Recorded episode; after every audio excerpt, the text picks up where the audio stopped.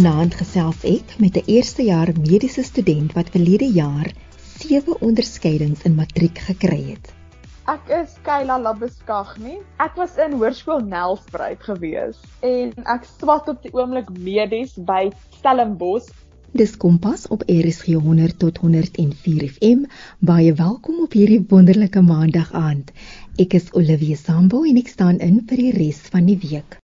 Dis elke student se droom om akademies goed te presteer, maar nie almal bereik daardie droom nie. Vanaand kuier ek met Kayla Labeskagni wat in 2020 sewe onderskeidings in matriek gekry het.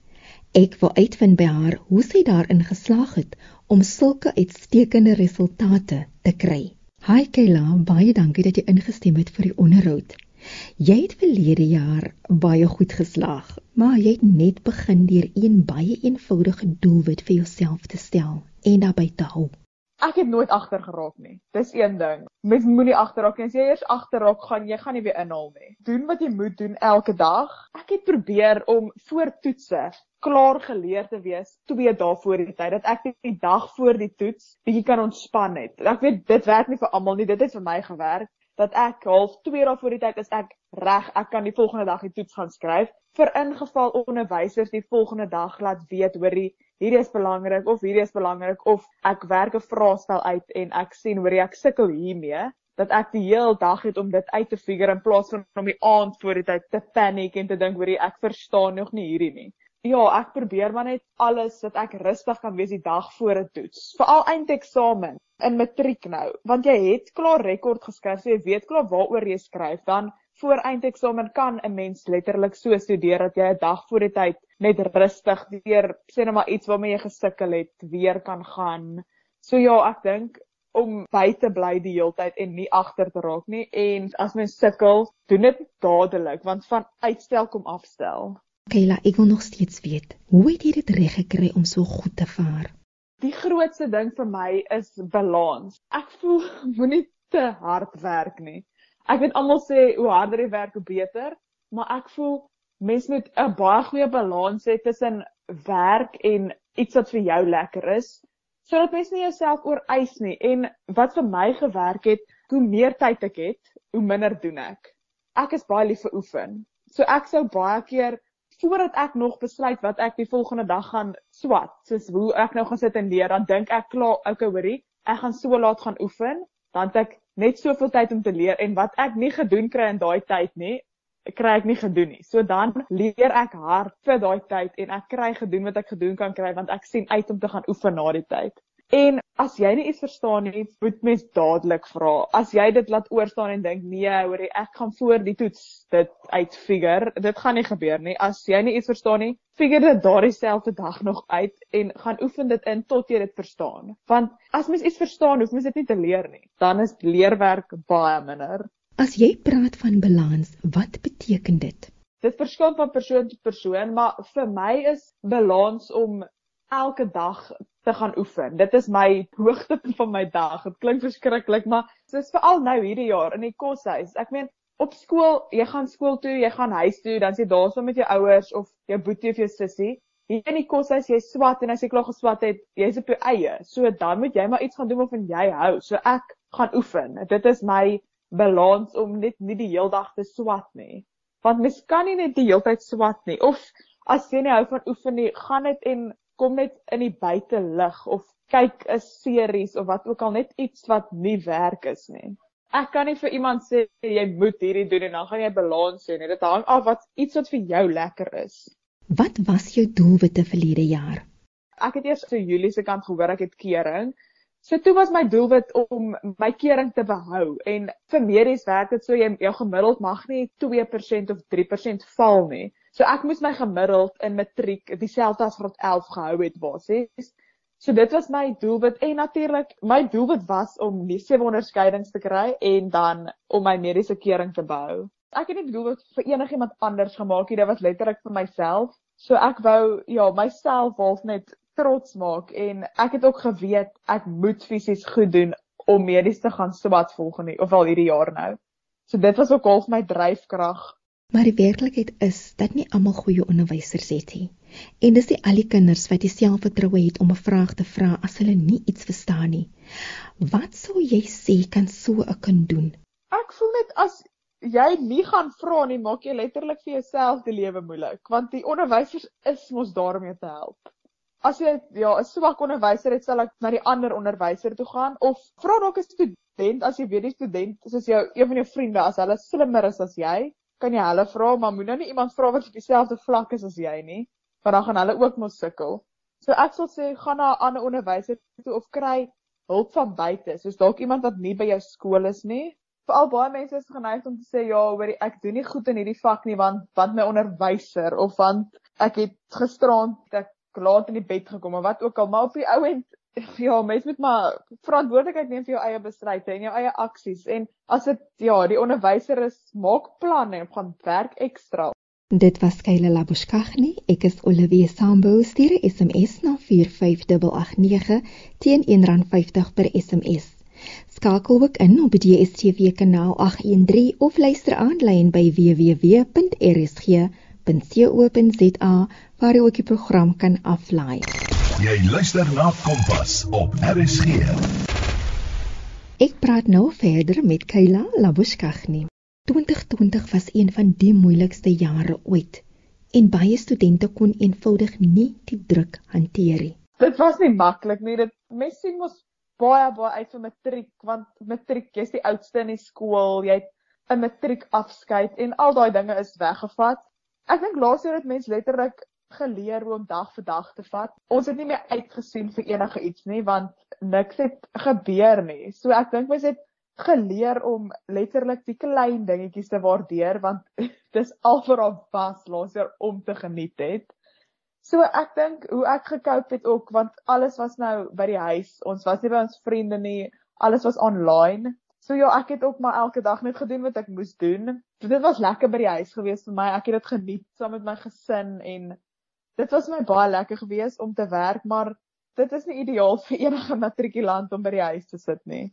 Mens wil al daai laastes ervaar en ons het niks gehad op die ou end nie. Maar ag, ons het ten minste 'n storie om te vertel eendag dat ons die COVID babas was. Kayla, jy is 'n eerstejaars mediese student by die Universiteit van Stellenbosch in die Wes-Kaap. Hoekom het jy besluit om medies te studeer? Eerlik, ek nie een van daai kinders wat graad 1 al gedink het ek wil 'n dokter word nie. Ek was baie onseker geweest tot en met graad 11, tot en met die aansoeke eintlik oopgemaak het. En ek het net gaan dink, daar is nie 'n ander rigting vir my nie. Ek sal nie iets anders kan swat nie ek was nog altyd geïnteresseerd in mediese goed soos ek's baie lief vir sport, so sport en hoe jou lyf werk. Dit was nog altyd vir my baie interessant geweest. Jy is oorspronklik van Nelspruit in Mpumalanga. Hoekom het jy Stellenbosch gekies as Pretoria soveel nader aan die huis is?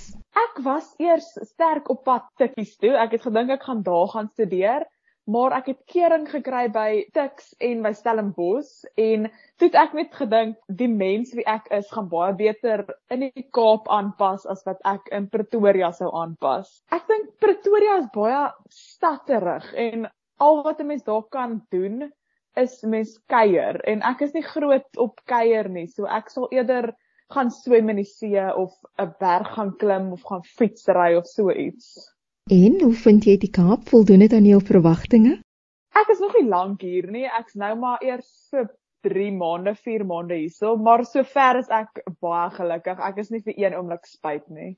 Veral as mens universiteit toe gaan, mens moet nie verwag dit gaan op 'n sekere manier wees nie, want dan letterlik maak jy reg om dalk teleurgestel te word. Gaan eerder met 'n open mind en net dat enige geleentheid wat oor jou pad kom nuut is en gryp dit dan net aan. Alle nuwe dinge gaan gepaard met aanpassings. Is daar enige iets waarmee jy gesukkel het om aan te pas en wat mis jy? Kyk, die weer is vir my 'n aanpassing, maar verder ook 'n bietjie van 'n aanpassing is die koshuis wat bietjie anders is, maar verder ek dink ek het met 'n mentaliteit gekom dat dit ek moenie enige verwagtinge hê nie. Ek mis definitief my kamer, my alleenkamer. en ek dink ek mis net om by die huis sê net maar te gaan stap buite of iewers te gaan sit en net my eie geselskap te hê want in die koshuis is dit baie besig en ons die hele tyd geselsies en ons nie regtig alleen tyd enigsins nie. Dit was my groot aanpassing omdat ek nie eintlik een is wat te veel van praat hou nie, maar ek dink mens pas aan en ja, mens moet net nie alles oordink nie, mens moet maar net go with the flow.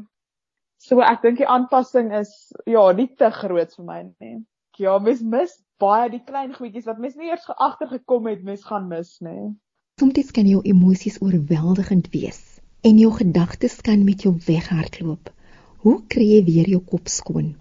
Ek um, hou van skryf. So soms is dit vir my makliker om hoe ek voel neer te skryf as om daaroor te praat en dit is dan half my ontsnapping soos ek voel dan oor ek het nou hieroor gepraat al is dit dan met 'n stuk papier net om neer te skryf hoe jy voel want ek dink soms wil mens nie eerlik wees eers met jouself nie en mens moet sulke goeders uitkry.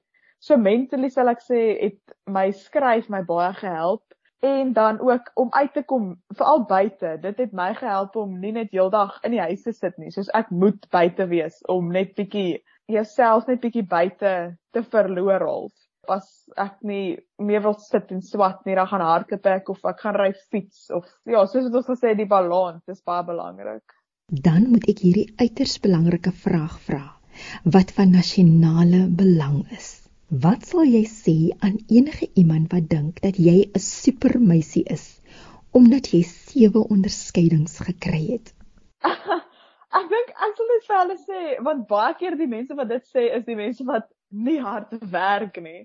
So ek sal net vir hulle sê hoor as jy ook bietjie gaan hard werk of as jy net ook weet wat jy op pad is in die lewe sal dit is nie so moeilik om goed te doen as jy weet hoekom jy goed doen nie. So ek sal net sê kry dalk die rede hoekom jy wil goed doen en dan sal jy goed doen. Dit was Kayla Labuskaghni ons uitblinker in vandag se program. En as jy vandag luister en jy is 'n student wat sukkel om te studeer of jy sukkel om by punte uit te kom, moet jy vir jouself afvra, waarin is ek goed? En dan moet jy besef, hoe gaan ek dit in my toekoms kan toepas? Ek hoef nie nommer 1 te wees nie, maar ek moet suksesvol wees in wie ek is. Jy beskik oor jou eie besonderse eienskappe wat uniek aan jou is. En die pad na jou sukses lê opgesluit in die vaardighede waaroor jy beskik. Lizet Volkwyn is 'n meester lewensafrigter, oftewel 'n master life coach. Sy is ook die skrywer van die boek Finding Me: A Self-Discovery Journey. En dan is sy ook 'n menslike leenverklikker. Dit beteken sy kan 'n leen identifiseer deur net jou lyfstaal te lees. Sy glo die maatstaf wat die samelewing gebruik om 'n uitblinker te identifiseer, gee nie genoeg erkenning aan die natuurlike vaardighede waaroor mense beskik nie. Hallo Lizet, hoe sou jy 'n uitblinker beskryf? Livia, as jy my gaan vra wat is 'n uitblinker, dan gaan ek vir jou eerstens moet sê ek is 'n absolute advokaat vir uniekheid.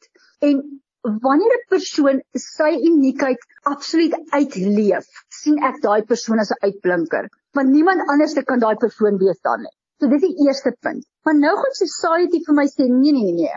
Uitblinkers is nommer 1, die ou wat eers op die podium staan. Uitblinker is as daai top 10 student.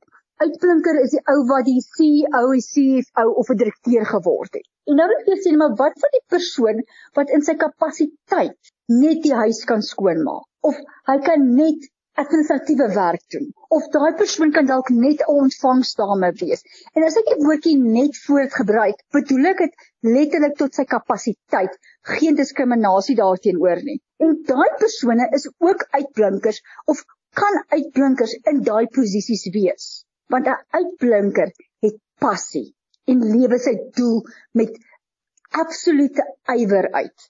In werklikheid is die fokus op akademiese prestasie en 'n kind wat nie akademies goed vaar nie word baie keer gekritiseer as lui en dom dit is vir my so 'n belangrike en na aan my hart stelling wat jy daar maak. Dit is deel van my core values. Ek word woedend as ek dink daaraan hoe ons skoolstelsel net een gradering het. Want elke ou is verskillend aangelê.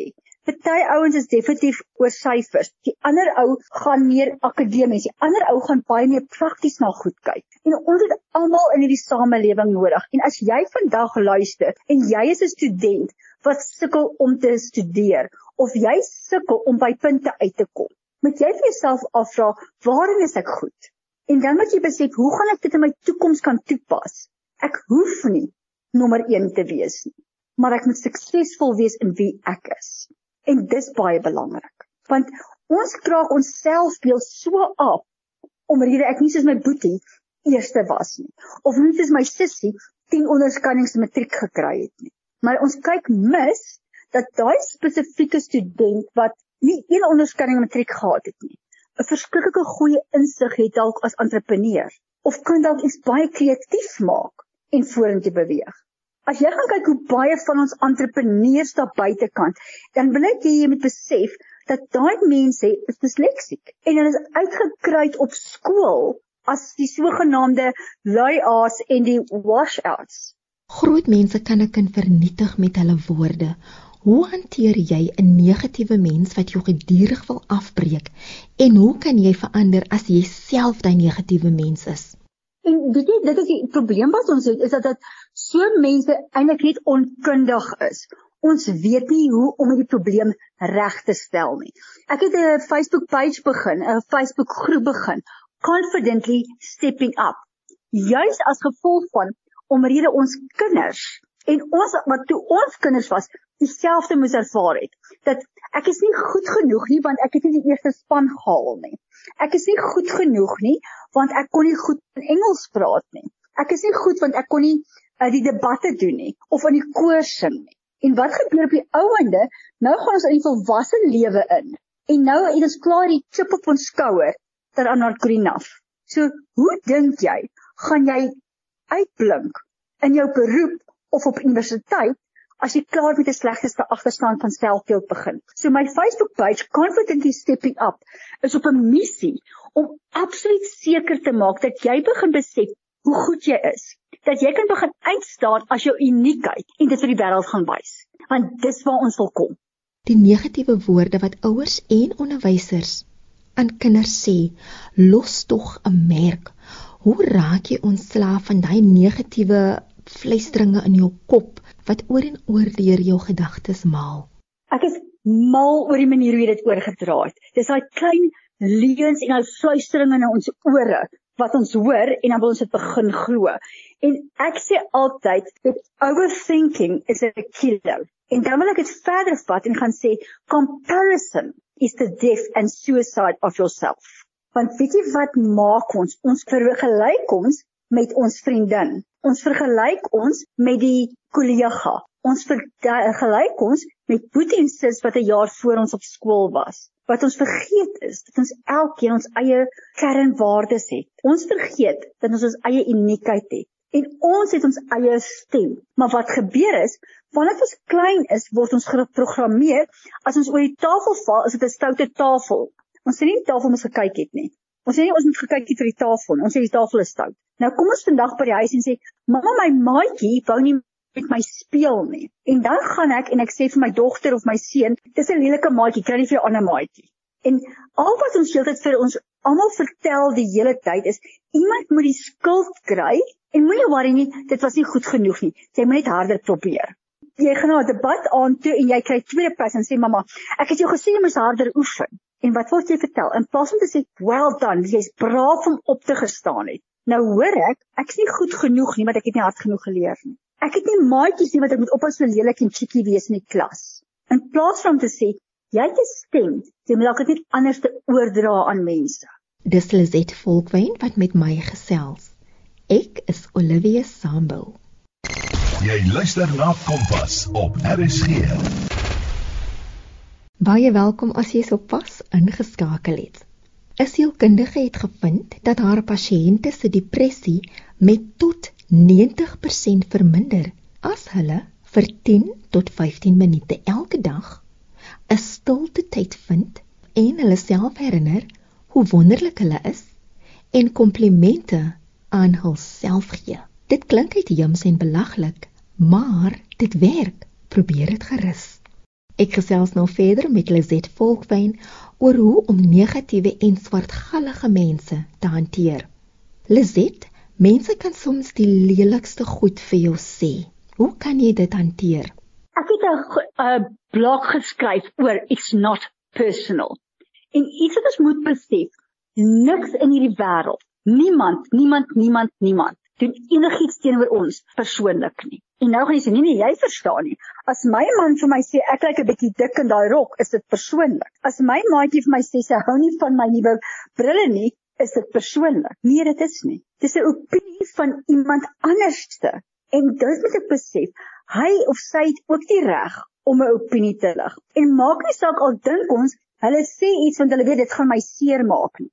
Niemand het beheer oor hoe jy gaan reageer nie. So as ek iets vir jou sê, hoe weet ek hoe gaan jy reageer? Ek weet nie. Ek kan predikt van die vorige kere wat ek met jou gewerk het, gaan jy dalk so reageer, dit gaan jou dalk kwaad maak. En uit disrespek kan ek dalk iets sê wat ek weet jou gaan kwaad maak. Maar ek het geen waarborg nie. Ek doen dit uit my oogpunt uit om lelik te wees. Ek doen dit uit my oogpunt uit om iets te doen waarvan my waarvan ek groot geword het, van my uitkyk uit te doen. Ek doen dit nooit persoonlik nie, want as ek dit besef, dan kan ek vorentoe gaan. Iemand se uitkyk is gewoonlik gebaseer op sy of haar persepsies en ondervinding. 'n Bitter en gefrustreerde persoon sal nie vir jou kan ondersteun in jou groot drome nie, want hulle self is vasgevang in hulle eie teleurstellings en bitterheid. Exactly. So is dit persoonlik. Nee, dit kom van jou oogpunt af. En as ek daai houding kan begin inneem wanneer 'n vriendin of 'n vriend vir my op skool sê hulle wil nie met my maat wees nie of hulle wil nie met my uitgaan nie of ons hou nie van jou nie want jy sing nie mooi nie dit sê vir jou hulle sien jou nie in hulle kolom op die stadium nie. Maar dis oukei, okay, want jy kan jou eie groep gaan skep. Jy kan jouself gaan uitstaan en 'n leier daar wees. Dit is daai leuns kan begin wegvee en begin vashou en sê ek hoef nie met hierdie vriendin maatjies mee te wees nie. Ek kan uitblink op my eie. Maar ons is so geneig om geleer te word dat as ek 'n opinie het wat 'n uitblinker idee is, en ek het nie iemand wat langs my staan en ook dit saam met my sê nie. Is dit nie 'n goeie idee nie? Baie suksesvolle mense was ook die odd one out wat nêrens ingepas het nie en hulle was baie keer verwerp deur hulle eie ouderdomsgroep en hulle het bykans amper niks vriende gehad nie. Ook vir Dr. Zeus quote en hy sê dit to be number 1 you have to be a odd. En dis so waar. I cannot be number 1 if I'm not a odd number. Dit is waaroor dit gaan. Ons uitblinkers sukkel in in die samelewing. Ons dink hulle het die sukseslewe. Ons dink alles is wonderlik. Ons besef nie dat hulle baie alleen is nie. Want hulle moet daai ekstra ure insit. Hulle daai sosiale verwerping van jy's te goed vir ons. Dit gebeur ook met hulle. En ons is vergelyk onsself met 'n 'n titel en vergeet baie van die mens agter dit. En daai mense wat deur die proses van skool gegaan het, wat gesukkel het om te studeer, wat nie in die sport suksesvol was nie. As hy volwasse word en hy besef al daai leuns was net leuns, dan kan hy in sy eie reg begin vorentoe gaan. En ek wil op die woord gebruik perform because now you can go and showcase who you are. En dit was Lizet Volkwyn, Master Life Coach van Face Off. Ek is Olivia Sambo en dis Kompas RSG 100 tot 104 FM. Ek groet tot môre aand wanneer ons gaan gesels oor 'n boek wat Afrikaans vir jou gaan lewendig maak. Al is dit nie jou eerste taal nie.